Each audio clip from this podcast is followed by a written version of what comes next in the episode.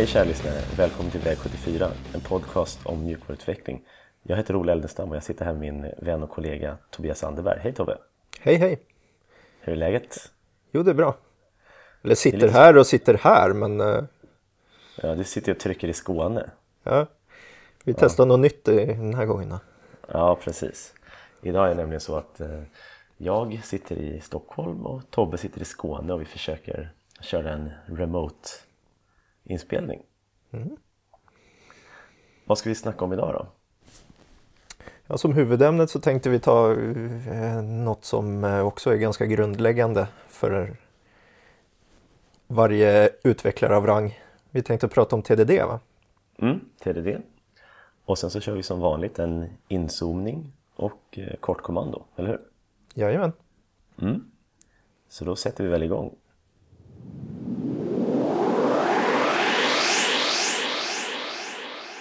Jag hade ju ett eh, förslag här på inzoomning. Jag tyckte vi skulle snacka om ståuppmöten. Vad Det, tänkte du säga om ståuppmöten? ja, men det slog mig häromdagen när vi, eller häromdagen, det var väl någon månad sedan när jag stod på sån här sedvanligt tråkigt ståuppmöte när eh, det är någon person som står och håller i det hela. Så, Okej, ja men Ola, vilka lappar har du flyttat idag? Hur många timmar är kvar på det här? Och, och så kände jag att det här, det här kommer jag ihåg, det här är ju ganska värdelöst.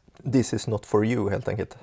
Nej, så fundera på det. Varför, varför känns det så värdelöst med, med den typen av möten när, när det är någon som står och bara nästan så här förhör sig runt bordet och säger Jaha, eh, hur mycket har du gjort då?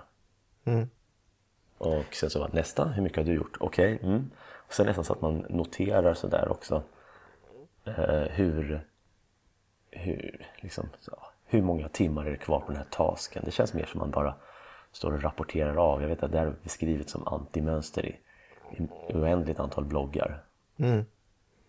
Men Det är, det är, precis, det är väl ganska vanligt det där att det, eh, diverse projektledare och sånt där tror att ståuppmötet är till för dem. Mm. När det väl egentligen är till för teamet. Framförallt. Ja, ja, det tycker jag. Men det är precis som du säger. Men ursprungligen så kanske det var till för projektledaren. Alltså min, min känsla av när jag liksom går tillbaks och läser lite och tittar så här tio år senare ögon på Ken Schwaber och Jeff Sutherlands den här Scrum-boken. Då känns det mer som en okej, det här är det här är projektledarens eh, svar på att ja, men nu ska bli lite, det ska vara lite mindre ceremoni men vi måste fortfarande ha lite ceremoni kvar. Intressant. Så jag tror att vi, vi dras lite grann fortfarande med, med den här top-down styrningen som jag, jag är inte jätteförtjust i det men jag tror att ett väl fungerande team, och så, det är så här världens vanligaste brasklapp, ett väl fungerande team Ja. behöver inte det här. det kan man ju liksom motivera allting med, det är här, nästan som så här no true Scotsman. Ja. Men det, alltså inte en, en riktig skotte, han skulle aldrig ha gjort det där. Det känns som så här logisk, vad heter det? Fallacy. Men varje team kanske bör jobba, på, jobba mot att eh, inte behöva ha ståuppmöten. Är det det vi vill säga eller? Ja, jo. Jag, jag tror att man... Visst, man kan, man kan behöva liksom någon form av... Eller jag vet inte. Någon form av startsignal på dagen. Nu är alla samlade, nu kör vi. Vad, var, vad var det vi skulle göra idag? Visst, det, kan, det, det, det tycker jag på något sätt får, får igång teamet på morgonen. Men framförallt så är det ju så här, man vill ju inte, man vill ju inte ha bara ståuppmötet till att prata och sen så sitter man tyst resten av dagen. Liksom. Nej, Det tycker jag också eh, kan vara en grej som man märker ibland. Att det är så här, okej nu ska vi ha ståuppmöte, alla ställer sig upp och så, ja, vad ska du göra? Ja, jag ska göra det här. Ja, ja, ja. Okej, då kör vi. Och så sätter man sig ner och sen man tyst. Eller- För man får inte störa någon.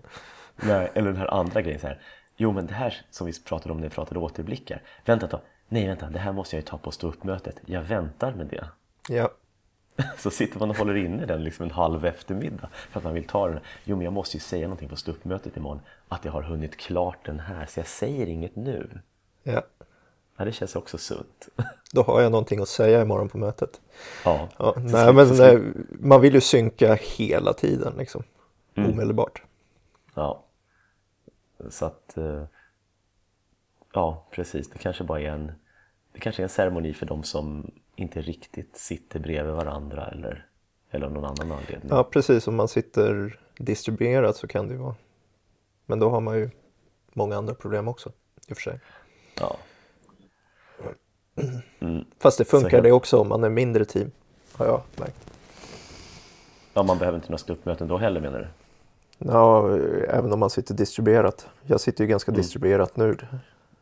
Eftersom jag jobbar mycket hemma och eh, andra jobbar i, på diverse andra delar av Skåne. Men du står alltså inte uppe i köket då, då på morgonen och sen så skypar du in och så säger du Igår så gjorde jag klart den här tasken. Nej. Nej. Och du lyckas med, du lyckas ju göra saker ändå. Ja. Ja, nej, vi kanske kan stänga det där men... Och, Fast annars, kan, annars kanske Agical kan köpa en sån där eh, digital whiteboard till mig så att jag kan ha sådana möten hemifrån. Vad är det, Det låter värt. Vad är det du egentligen vill göra med den här whiteboarden? Jag vet inte, något roligt. Nej, ja precis. Bara köpa grejer. Ja. Ska vi, eh, ska vi prata om dagens ämne? Det låter bra.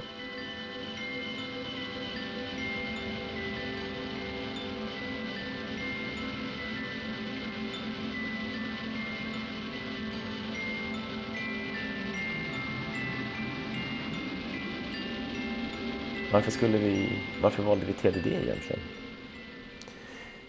Jo, men vi har väl börjat lite sådär och beta av några av de mer grundläggande ämnena, känns det som. Mm. Våran lista på ämnen är ju ganska lång. Vi har en lång Ja. backlog, eller önskelista. Ja, vi har en önskelista med massor med ämnen. Den kommer säkert bli längre och, och längre och längre och längre så att säga. Så det är väl bara, det är väl som du säger, en önskelista. Men Av någon anledning så känns det naturligt att börja, börja på de mer grundläggande bitarna och ta över kursen sen. Jag vet inte Mm. varför, men Skulle du säga att TDD är grundläggande då för en utvecklare? ja, jag tycker det. Mm. Man, man bör behärska det för att kalla sig utvecklare, tycker jag. Ja. Varför? Okej, hur, Eller, hur förändrade ja. sig, Ja, okej. hur förändrade sig liksom din, din vardag när du lärde dig TDD? Jag utgår ifrån att du kan TDD, eller jag vet att du kan TDD. Därför- Jag, jag, jag minns faktiskt inte hur det var innan, om jag ska vara ärlig. Då var det code first och test later. Ja, men eh, jag tror största skillnaden var att man kunde få upp hastigheten avsevärt på sin utveckling. Mm. Mm. För att eh, man eh, kortade ner återkopplingslooparna ganska avsevärt med TDD. Mm. När man satt innan då satt man och gjorde någon eh, funktion eller feature och sen så sparkade man, man igång hela skiten och så satt man och klickade sig fram till den där funktionen som man hade ändrat. Och Ja. så testade man den i programmet det- liksom. Precis, och så märkte man där att oj nej, det skulle vara större än och lika med. Ja, inte bara jag, större jag, får, än. jag får lägga in några debugutskrifter här så att jag ser vad som händer egentligen. Ja, Så nej, det blir väldigt lång roundtrip liksom. Utan jag, känner igen, jag känner igen det där. Eh, I, liksom i min karriär innan jag började förstå vitsen med TDD. För, alltså först så fattade jag ju inte hur kan man testa någonting som inte är färdigt? Mm. Det var min första känsla. Det går ju inte. Nej. Och jag måste... Jag, jag, eller jag, jag kunde ju inte modellera, så jag kunde inte, vad säger man, bryta isär problem heller innan jag, på den tiden innan jag liksom kunde TDD. Mm. Så jag lärde mig liksom om att göra små moduler också. Det var ju en, en, en skön bieffekt av det hela. Mm. Vad, vad är, TDD då? Vi, Ja, vi pratar... Det handlar väl om enhetstester va? Eller? Mm. ja testdriven utveckling och då, då menar vi att vi skriver en liten snutt kod som testar, verifierar en annan snutt kod. Mm. Och man säger att eh, givet de här omständigheterna och så kör jag det här, exekverar jag den här kodsnutten så ska det här hända. Och sen verifierar man det. Ja. det är ju, det är ju testdriven utveckling. Man brukar ju prata om en, en loop också, eller en... Ja, det är väl en loop. En sån här eh, rött, grönt, refaktorisera. Ja. Och Varför vill, man använda, varför vill man använda den då? Jag tror att det är ett ganska, eller så som jag använder den är ju att man, man skriver ett test som fallerar eh, och sen så försöker man få det att fungera. Ja. Och sen så kan vi glida in på det här med refaktorisera sen. Men anledningen till att man gör så det är att man, att man vill verkligen ha någonting som är trasigt först. ja. För Så annars man- vet man inte att det funkar Nej, när det precis. är grönt. För det kan vara grönt av andra anledningar än att det Ja. faktiskt Jag vet, rätt sak man har implementerat. precis, jag vet inte hur många gånger jag har gjort det. Och liksom så här, ja men nu, nu kan jag det här med Red Green Refactor. Och så skriver man någonting och så skriver man liksom det happy, eller sånt här, det, braiga scenariot först och sen så upptäcker man två tester senare att hoppsan, hehe, jag hade lite fel. Ja. ja, varför då? Jo, för att jag sket i att skriva eh, ett brutet, brustet, vad heter det, trasigt testfall först. Jag Ja. hoppade direkt på det, liksom, det gröna och sen så lite refaktoriserat. Så att än idag liksom, så skriver jag fortfarande strunta i den här proceduren och då biter det mig ibland. Ja. Och sen ska man alltid refakturera på slutet då?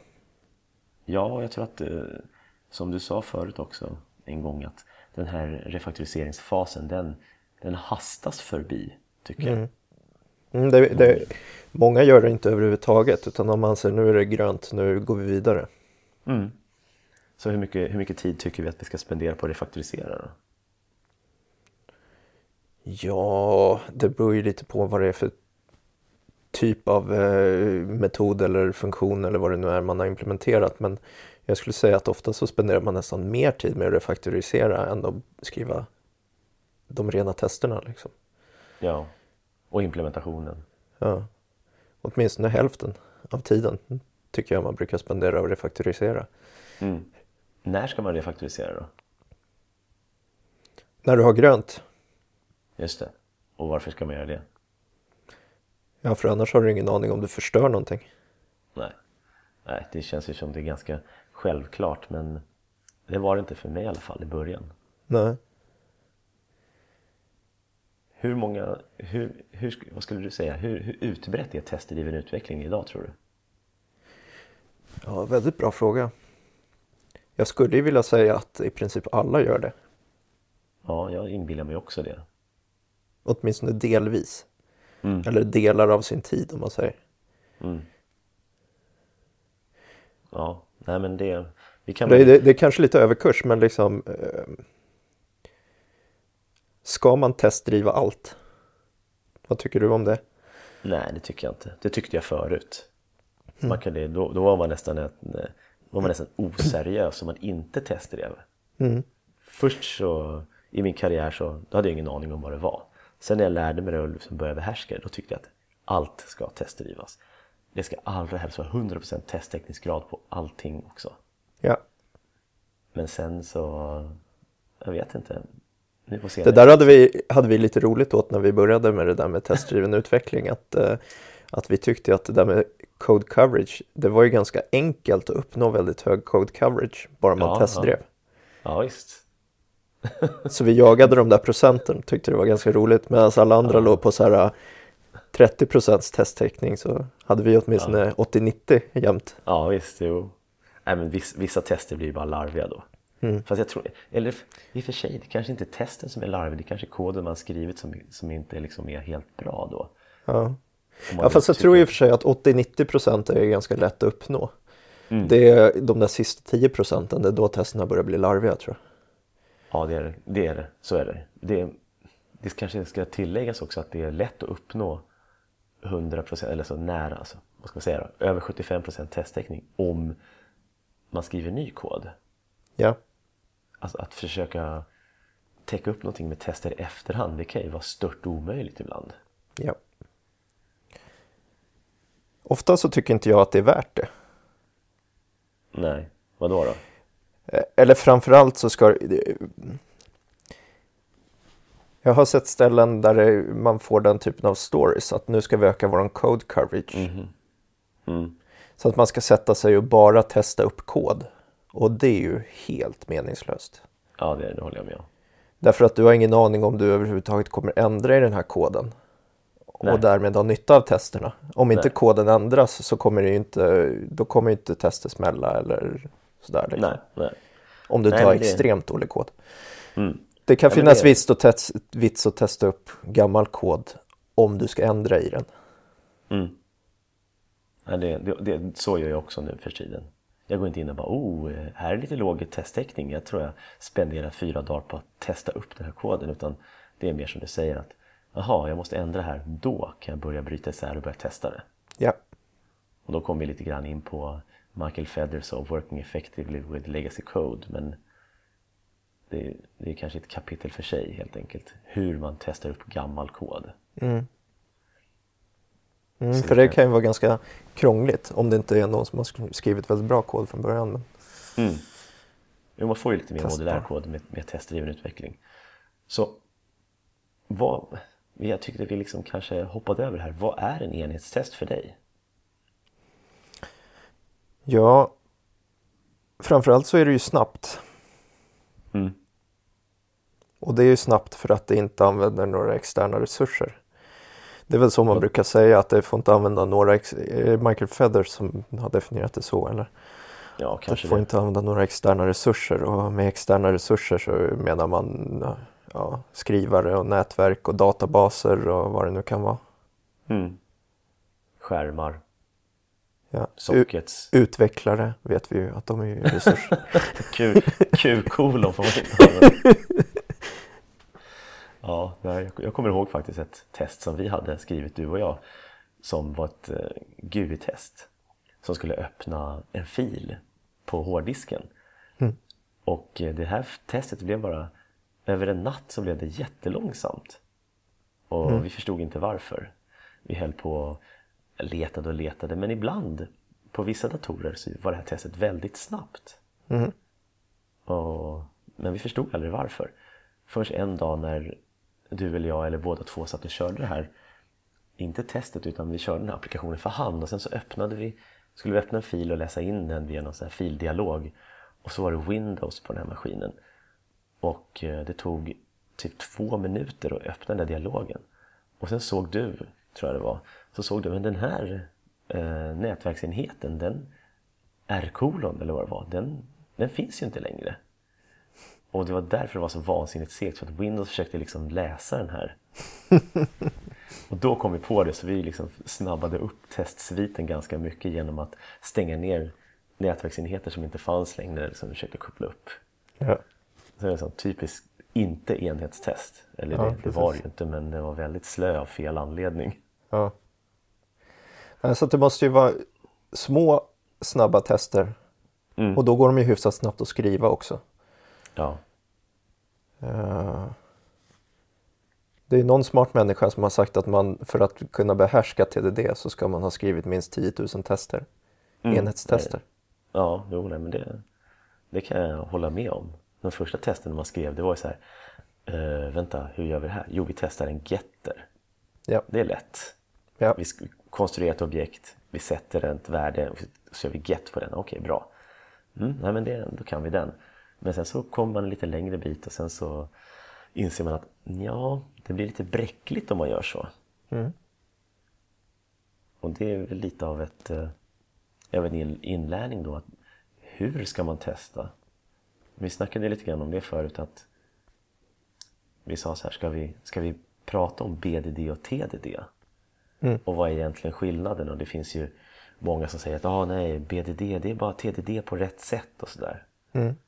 Så sammanfattningsvis kanske vi kan säga att BDD är TDD gjort på rätt sätt. När man använder sig av BDD så, så får man tester som inte håller koden gisslan. Som jag brukar säga. Och, och med det Mm, vad menar du med det? Ja, jag menar att, eh, att man, kan, man kan refaktorisera sin kod utan att man behöver uppdatera 14 tester bara för att man gör om lite grann i en metod. Så man testar liksom metoden en liten bit ut Ja, just det. och inte varje metod för sig. Utan man, man kanske testar av en tre, fyra objekt samtidigt. Mm. Eh, Men fortfarande så ska de ju vara väldigt snabba. Så att ett, ett enhetstest för mig är, där är liksom, där är A och O att det går väldigt fort. Ja. Så jag brukar väl jag brukar försöka undvika att säga enhetstest egentligen. Jag brukar säga mikrotester. Och sen har man kanske makrotester. Och sen så har man någonstans där mittemellan. Mm.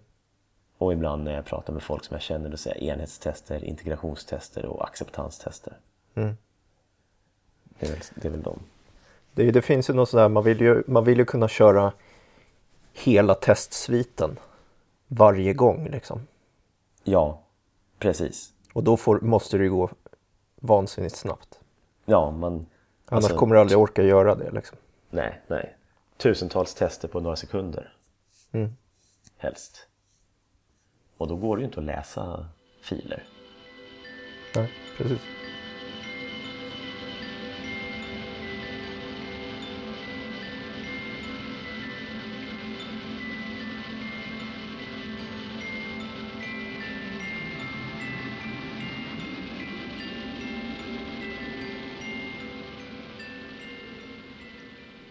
Tänkte vi skulle prata lite grann om hur lär man sig TDD?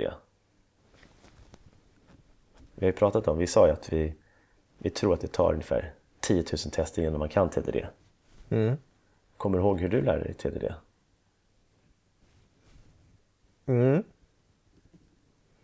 Hur lärde jag mig där? Jag, eh, jag satt i ett eh, team där vi hade bestämt att vi skulle göra det här. Och så eh, kom det några tjommar och höll en kurs om TDD.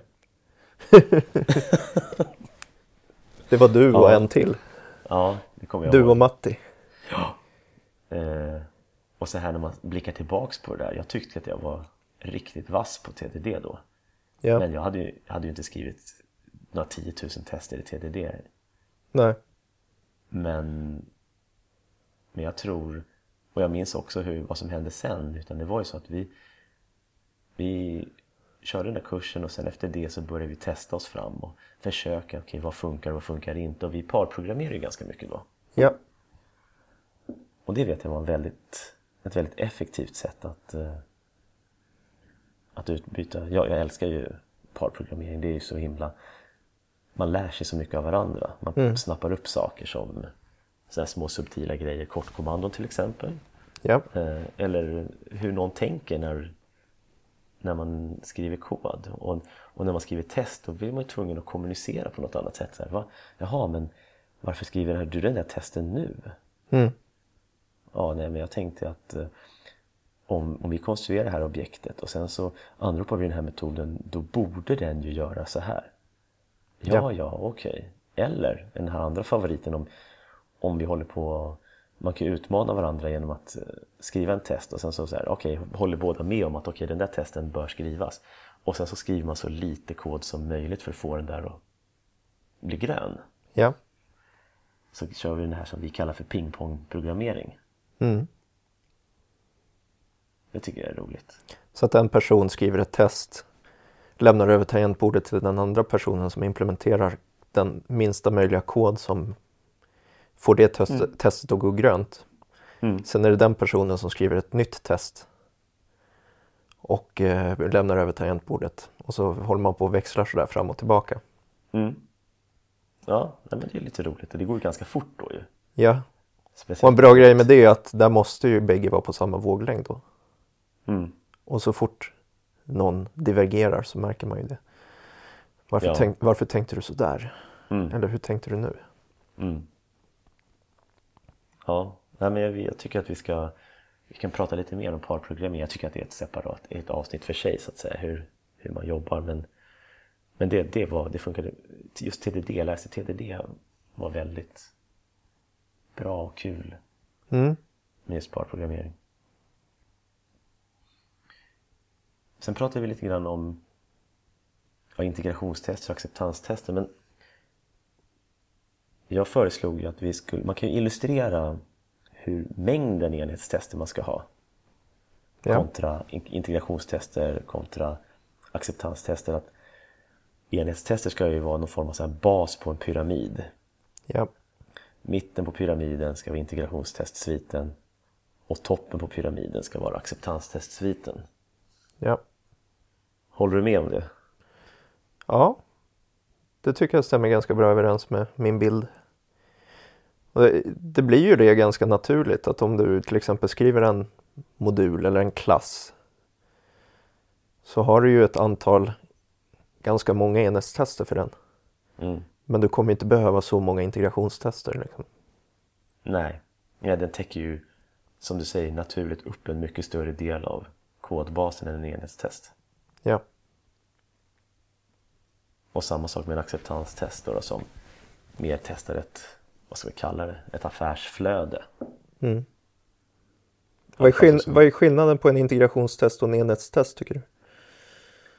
Det, där, det är- där vet jag är en återkommande diskussion i diverse. Mm. Nej, det är snabbheten skulle jag säga. Om det är någonting som jag återkommer till så är det snabbheten. Så att ett integrationstest kan öppna en fil till exempel. Absolut. Mm. Jag skulle nästan säga att det är, det är väl då jag säger att kanske inte just fil, databas-koppling definitivt, nätverkskoppling absolut, då är det integrationstest. Mm. Men integrationstester är också väldigt värdefulla. Men de är lite mer av en, vad ska man kalla en ruttnande karaktär på dem.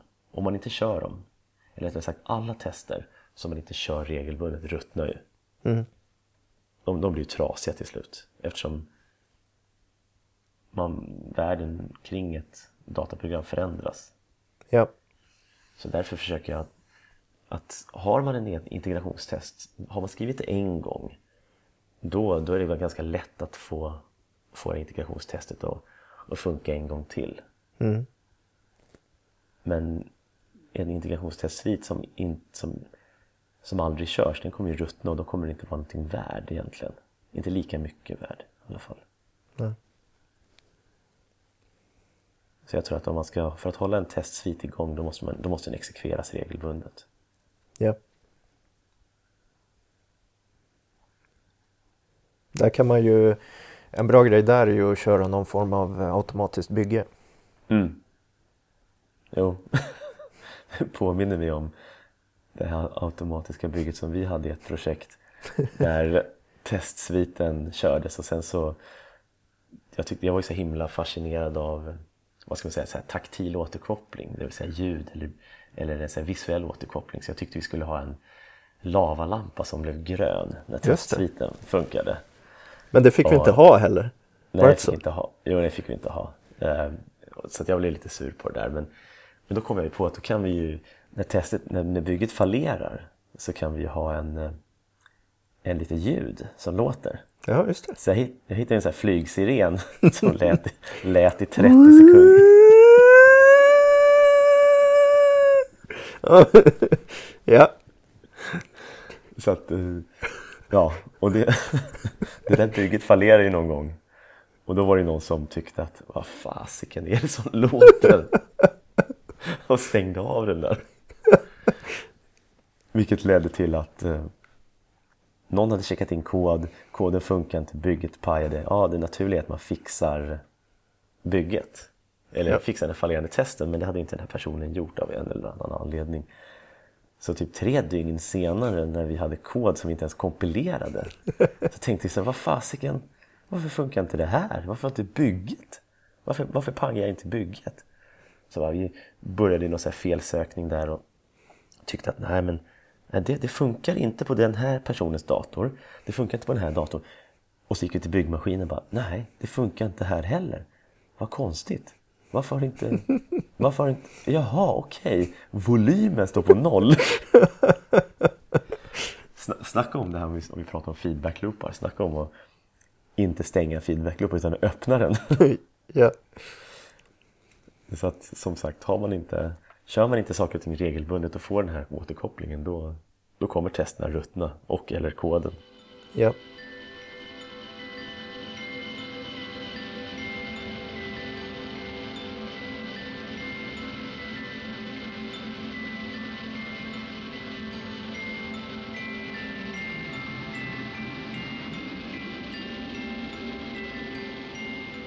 Vi pratade ju om acceptanstest, integrationstest men jag kommer också ihåg när vi, när vi satt och programmerade mycket tillsammans att, och utforskade TDD då, att vi gled in på det här området med, med mockar. Mm. Det var ju lite som ett så steg, steg på vägen kändes det som. Mm. Eh, Jag skrev något blogginlägg om det där för länge sedan. Mm. Att det kändes som man tog, man tog nästan steg på en trappa när man, under tiden man lärde sig TDD. Ja. Att det var liksom så här aha-upplevelser hela vägen på något vis. Om man kan förklara det så. Mm. Att man började liksom med eh, att skriva riktigt dumma tester, getters och setters och sånt där. Och sen så kom man fram till att Nej, men det här var inte ett bra sätt att göra på. Om jag skriver testerna på den här nivån istället så blir det mycket bättre. Aha! Mm. Ehm, och sen där, något av de där trappstegen var just mockar då. Vad lärde du då? då? Ja, att man, att man kunde testa även hur, hur man integrerade med andra klasser. Mm. Jo, jag tror att det, en, en, en viktig polett för mig som trillade ner då var abstraktioner. Eh, alltså interface och hur man, precis hur man integrerar med andra klasser. Det måste du göra då med någon form av så här, antingen dependency injection eller, eller något annat sånt där man inte beror på en på konkret implementation. Mm, precis.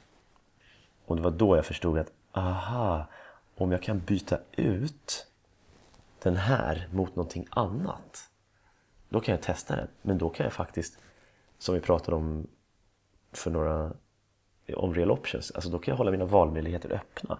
Jag kan alltså, istället för att använda en lista, eller rättare sagt istället för att använda en array list så kan jag ha en annan lista eller istället för att ha någonting som loggar till eh, fil så kan jag logga till ett nätverk eller istället för att skriva till en, ah, jag vet inte, databas och skriva till en fil.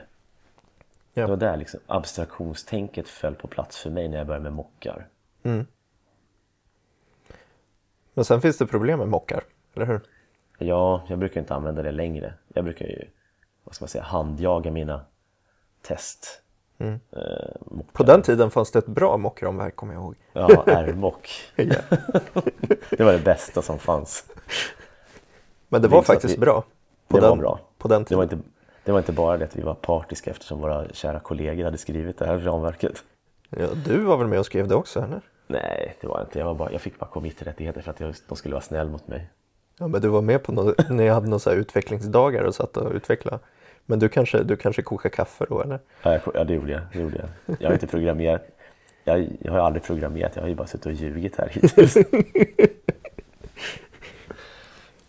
Nej men vad vi lite grann fiskar efter eller vad jag kommer ihåg med mockar var Jag tror att det var speciellt jobbigt när man skulle mocka ett state, eller hur? Mm, det är möjligt. i någon, här- någon form av tillstånd. Den här, den här klassen har den här och den här listan som har den här och den här eh, värdet satt på sig som har den här och den här listan också. Mm. Och sen ska man sätta upp hela den där och det blir ju liksom setupen på det här testet blev ju större än själva testet i sig. Mm. Så vi brukar ju börja kalla det för komocka. Ja, precis. Det var ett antimönster då. då. Och den stora nackdelen med komockor är också att det blir helt omöjligt att förstå vad som händer. Mm. Så att Ja, när ja. du måste in och ändra i de där testerna så fick, jag vet inte hur mycket tid man ägnade åt att sitta och försöka förstå hur de där mock-setuperna, vad det var för någonting som gjordes Ja, egentligen. Eh, Och man- Så att det slutade ofta med att man bara scrappade hela testet och skrev någonting från början. Liksom. Ja. Och att man inte insåg då att man, men vänta, det kanske är något fel här Ja. med vårt angreppssätt. Ja. Så att det där, om, om man nu använder mockar så ska man vara extremt uppmärksam på det där. Att man måste skriva så att det är extremt tydligt vad som händer. Mm. Riktigt bra liksom, testkod måste man skriva. Ja. Jag vet att Dan, Daniel, vår kollega, han brukar säga det att testkoden ska vara tio gånger lättare att läsa Ja. än, än produktionskoden. Ja. Det stämmer nog, Ja. för det, det är ju, testkoden är ju i någon form dokumentation för Mm. att man läser ju så fort Ja. man ska ändra någonting så vill man ju veta vad som vad, vad, vad klassen är kapabel att göra och då läser Mm. man enhetstesterna för klassen. Ja, det är i alla fall oftast där man, man hamnar om man har något problem. Ja. Och vill lösa någonting. Då är det så här, okej, eh, hur används den här? Finns det några testimplementationer? Eller finns det några tester för det här? Ja, det gör det. Okej, bra. Då, det var skönt för då kan, jag liksom, då kan man titta på den här testen och så kan man mecka runt lite och kanske försöka paja någonting. och se så här, jaha okej om jag gör så här då pajar det. Oh, okej. Alltså jag tycker att det, jag brukar lära mig ganska fort vad en klass gör. Först av namnet då såklart på klassen och metoderna men sen hur den används. Och då är Ja. tester liksom det första, första placet man kan gå om man vill se hur det används. Om man ska ranta lite mer på mockar så är det ju eh, två problem till som jag ser. Det Mm. första är att vi pratade om, vi zoomade in på JavaScript-ramverk första Ja, avsnittet. Men det är ju lite samma sak med mockramverk tycker jag. Att det är ju, alla ser så vansinnigt olika ut. Mm. Så att man kommer till någon ny klass där någon har använt ett mockramverk, då har de ju självklart inte använt det som man kan. Så ska man försöka lista ut vad fasen, hur det här funkar liksom. Så, aha, jag måste, här måste jag replaya, Nå, eller nej nu behöver jag inte göra det. Det är, så. Mm. Det är ett problem. Och sen Ja. så är ett problem med att det är så vansinnigt lätt att skriva ful kod när du kan mocka, eller dålig kod när du kan mocka. Mm. Ja, För du behöver med. liksom inte modularisera din kod då, utan du kan bara, ja men jag kör ju mockar här liksom. Då kan Mm. du fortfarande få testbar kod, även om det inte är modulärt och Mm. Ja, så är det. Man kan få 100% test coverage hur lätt som helst. ja, 100% test coverage på en riktigt dålig klass. ja, eller föredrar nästan otestad kod. Nej, så att eh, det är samma sak för mig att jag använder inte, jag skyr mockar så mycket som möjligt nu för tiden. Mm. Och så skriver jag egna teststubbar istället. Ja. Då har man Kanske bättre kontroll. ja, det har man. Det är kanske är en mognadsfråga. Mm. Som du sa, det, det sker. Först börjar man testa setters och getters, sen börjar man mocka. Och sen så slutar man mocka. Och sen då? Vad gör man sen? Ja, och sen börjar man väl stubba kanske. Mm. Fördelen med stubbar att det, det är ju att det tvingar ju dig på något vis att skriva ganska så eh, små abstraktioner liksom. Mm. Du kan inte ha interface med 50 metoder för då blir det jättejobbigt att stubba det. Ja, just det. Ja, det håller jag med om. Det håller jag definitivt med om. Det Så om, man, o- om man kör TDD så det, det du får, det där vet jag har, är folk som protesterar emot att du får väldigt små klasser, väldigt små metoder. Mm. Och då får du liksom ett nät av massor med små klasser och väldigt små metoder. Mm. Är det bra liksom? Ja, jag trivs med det. Det är jätteskönt. Mm. Min lilla hjärna funkar ju inte och liksom och ska tugga i sig 50 rader kod och, och titta på som sen hänger ihop med, eller 200 rader kod. Mm. När man får sitta och scrolla. Jag hatar att scrolla. Måste jag dessutom lämna tangentbordet. Nej, du har väl piltangenter? Det är sant. Det är sant, just det. Jag måste lära mig älska att scrolla helt enkelt. Bara man scrollar med piltangenter så är det lugnt. Mm, nej. Inget scrollande. Nej. Och inget scrollande i bredd heller. Det är enda värre långa rader kod. Ja. Bre- bred kod. Det är inte ok- heller okej. Kod ska synas på en sida tycker jag. Mm. Sen får man navigera någon annanstans. Jag funderade lite på det här inför det här avsnittet med TDD och, och när jag tycker att det funkar som allra bäst. Mm. Och det första jag kommer att tänka på är ju de tillfällena när man inte riktigt vet var man ska börja någonstans. Man inte riktigt vet vad man håller på med eller vad man ska göra. Mm. Då kan man börja med det absolut minsta, eller man kan börja med den informationen man faktiskt har. För oftast Ja. har man väl någon information och så kan man bygga vidare på det liksom. Se, Mm. se vad som händer liksom. Ja, jag tycker att kod evolverar fram på ett fint sätt med TDD. Ja, Men jag kan ju lätt bli så här lamslagen annars. Jag kan även bli lamslagen när jag sitter och TDDar. Mm. Min, min väg ur det där är nästan alltid parprogrammering. Ja. Så att, ehm, Jo, för där får man ju ganska naturligt att det är liksom en som kan grotta ner sig i det nuvarande testet och en som Mm. kan hålla blicken framåt lite. mm. Mm. Ja, vi måste ju definitivt prata om parprogrammering Mm. i, ett, e- ett eget program, det tycker jag. Och sen om jag till exempel ska skriva något interface eller nå- någon modul som ska in, interfacea mot någonting annat men jag vet inte exakt hur Mm. Det, det interfacet kommer se ut. Då är ju tester väldigt bra också att för testerna använder ju koden liksom. Mm.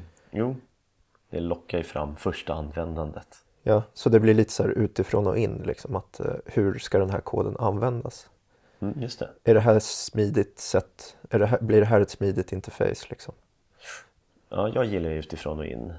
Vi pratar ju det utifrån och in eller inifrån och ut så att säga. Ja, Och för mig så är det nästan alltid så att jag, jag kan mer jag kan tänka bättre om jag kör utifrån och in, det vill säga börja med liksom det här Vem ska använda den här koden? ja, Eller om man drar det ändå längre så här, vem kommer klicka på den här knappen eller det här inmatningsfältet? Och så börjar man nästan där ute och så jobbar man sig in och sen så hittar man implementationsdetaljer snarare än att okej, jag ska lösa sju olika problem. Det här gör jag och sen så sätter jag ihop det på slutet. ja, Det funkar inget bra för mig. Nej. Och sen det tredje jag kom att tänka på var i de fallen där man har väldigt krånglig logik. Mm. Så det är dels för att du själv ska kunna hålla ordning på saker och ting så behöver du Mm. ha tester för det. Men eh, eh, desto viktigare kanske är att de testerna blir väldigt viktig dokumentation också för någon annan som ska in i den där logiken. Ja, det kan ju vara du Ja, imorgon absolut, redan. absolut. Men jag är också någon annan. Jag är också Ja. någon annan. Exakt. Ja, men det, det, det håller jag också med om. Det, det är en väldigt bra dokumentation. Testkod slår ju ko- kommentarer i koden Ja. 99 gånger av 99. Ja, Vi har ju också sett lite sådär roliga, vad ska man säga, antimönster. mm. I, jag tänker, tänker på, ja just vi sa, vi, vi pratar komockan och stora setup och stora teardown. ja. Ja, det, gäller, stora. det gäller ju inte bara mockar. Nej. Nej. Har du en stor setup då, då f- försöker du förmodligen bita av för stor eh, tugga. Ja, förmodligen så eh, försöker du skapa en klass som gör för mycket. Mm. Och Då kanske den bör delas upp i flera. Ja, man håller ju på, ofta i sina setupen så sätter man ju upp ett tillstånd. Ja, Några villkor för att så här, okej, den här, det här ska vara satt, det här ska vara satt, det här ska vara satt. Och sen trycker vi på typ execute. Och då ska det här ske. ja, Och håller man på att ha flera rader i setupkoden, mer än tio rader, då tycker jag att då, då tar man för stor tugga, då testar man för mycket. mm. Eller min favorit, som jag älskar och hatar, det är sleep i kod, i testkod. ja. Det är ju inte bra. Det skriker, skriker concurrency-problem eller? Ja, ja, verkligen så, verkligen. Det är fler, mer än en gång som jag känt så att ah, här kanske man ska, kanske jag ska slipa lite eller kanske nej, det ska vi nog inte göra. Men den typen av grejer kan ju vara ganska svårt att bli av med också för det kräver oftast ganska stora omarbetningar av kod, eller hur? Ja, har man väl börjat, Ja. då är det kört. Då är det kört. Så skriv aldrig sleep i en, i en, i en test. Vad tycker vi om flera asserts i en testmetod? Äh, det är bara förvirrande. Det är Så två du- stycken. Jag är okej med två, men nästan inte det heller. Mm. En assert per testmetod. Och inte, mer, inte mindre än det heller. Nej. Noll asserts är dåligt. Ja.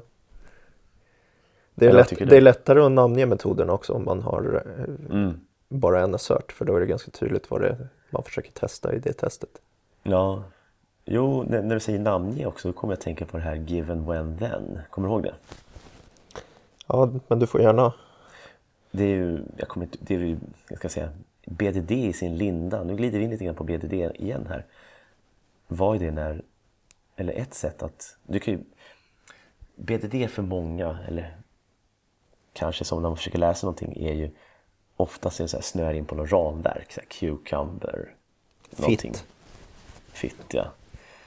Ehm, BDD, du kan ju BDD utan ett ramverk.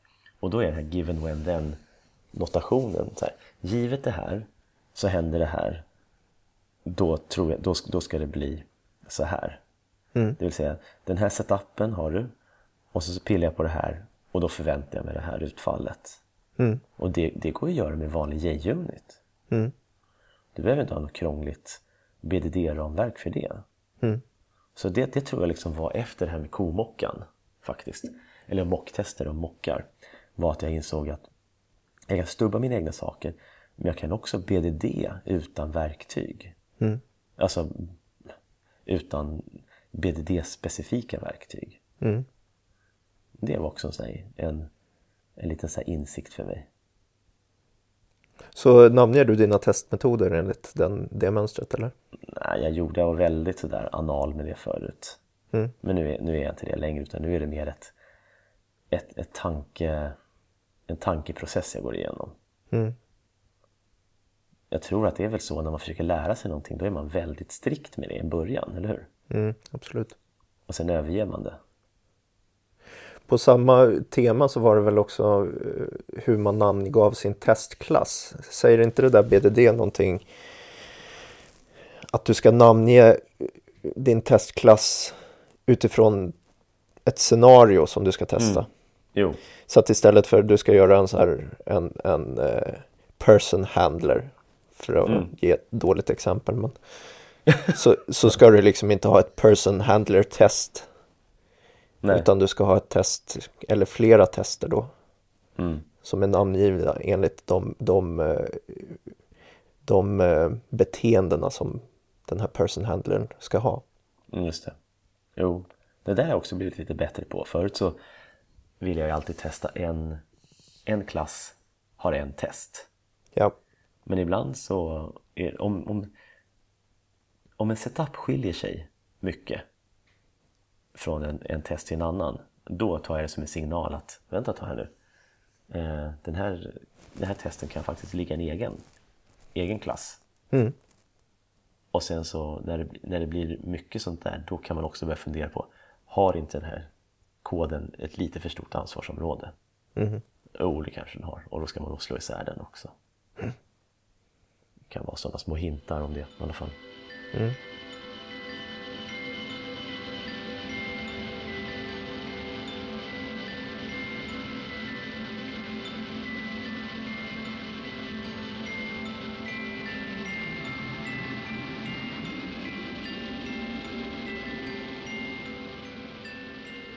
Kan inte du ge dig på att försöka sammanfatta det här?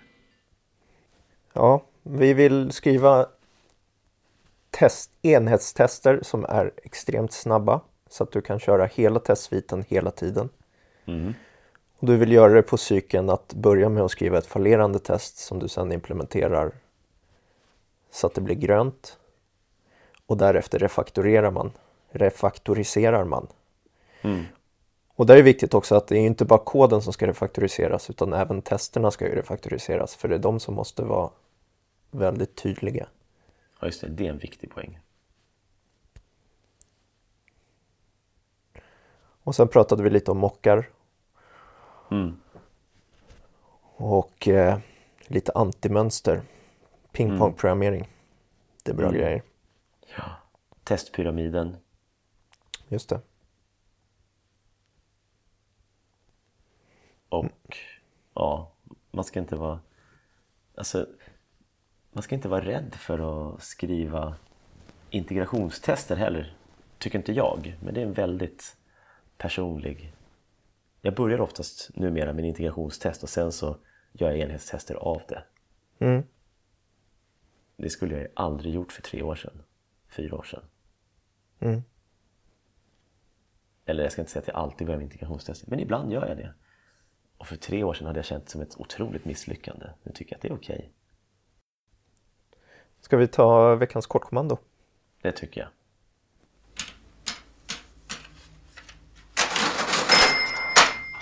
Och det där betyder alltså att nu är det dags. Vill du börja eller ska jag köra först? Jag kan börja den här gången. Ja, kör du. Eftersom mitt eh, kortkommando är ganska mycket på det temat som vi har haft idag. Mm. Smart, du är så himla strukturerad Tobbe. Eh, den absolut, eller om man säger så här, man, det, det är någon som, ytterligare smart människa som har sagt att, att, att det, det finns tre svåra saker, nej två svåra saker med, med mjukvaruutveckling. Och det är, det är cache invalidation, att döpa saker och off by one errors. Som jag inte orkar översätta till svenska. Nej. Men det här med att döpa saker, det gör ju att man döper om saker väldigt Mm. mycket. Så att Ja. det är nog den vanligaste refaktoriseringen som jag använder. Och I Clips så är det Alt Shift R. Mm. För att ta upp Rename. refak- rename-dialogen. Mm. På Mac så är det Alt Command R. Mm. Ja, den, den är väl använd. Mm. Och du då? Vad har du då? Jag har ju fastnat i någon form av, jag vet inte vad, Unix kortkommando nu känns det som. Så att jag drar ju till med escape punkt. Mhm. Och escape punkt i en, i en prompt, eller i en bash, förmodligen C-shell också. Den tar det sista, vad ska man säga, det sista, hade du skrivit så här ls minus la, kommandot innan. Och så skriver du någonting annat nu, så skriver du escape punkt. Då, då är det liksom minus la, så det är sista positionen i de här argument. Jag vet inte hur man ska säga, jag vet inte vad det heter faktiskt. Jag borde ha pluggat på det här.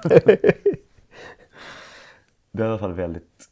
Om man skapar en katalog, till exempel mkdir Hasse. Ja. Då kan du skriva cd mellanslag escape punkt. Så, så blir det automatiskt Hasse då, för att det blir den här Hasse som var. Så, eh, ja. Den, den använder jag väldigt ofta. Det är bra, jag kommer vara så Unix-gud när det här programserien är slut. Absolut, det tror jag nog. Kanske du kan våga byta bort dina, din ovana, din fula ovana att köra Mac.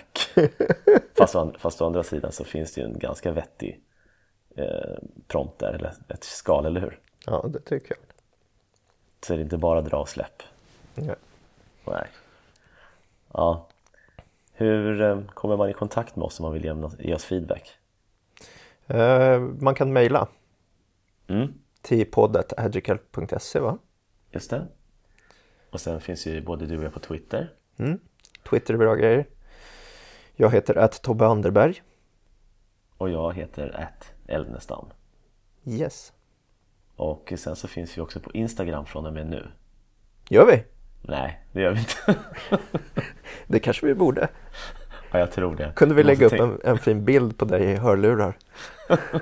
Jag tror vi måste se över vår sociala mediestrategi. Har vi en sån? Nej, det är det vi måste se över. Okej. Ja, nej, men med de orden så tackar vi dig kära lyssnare för att du har lyssnat hela vägen hit. Mm, tack så mycket. Tack så mycket. Hej då.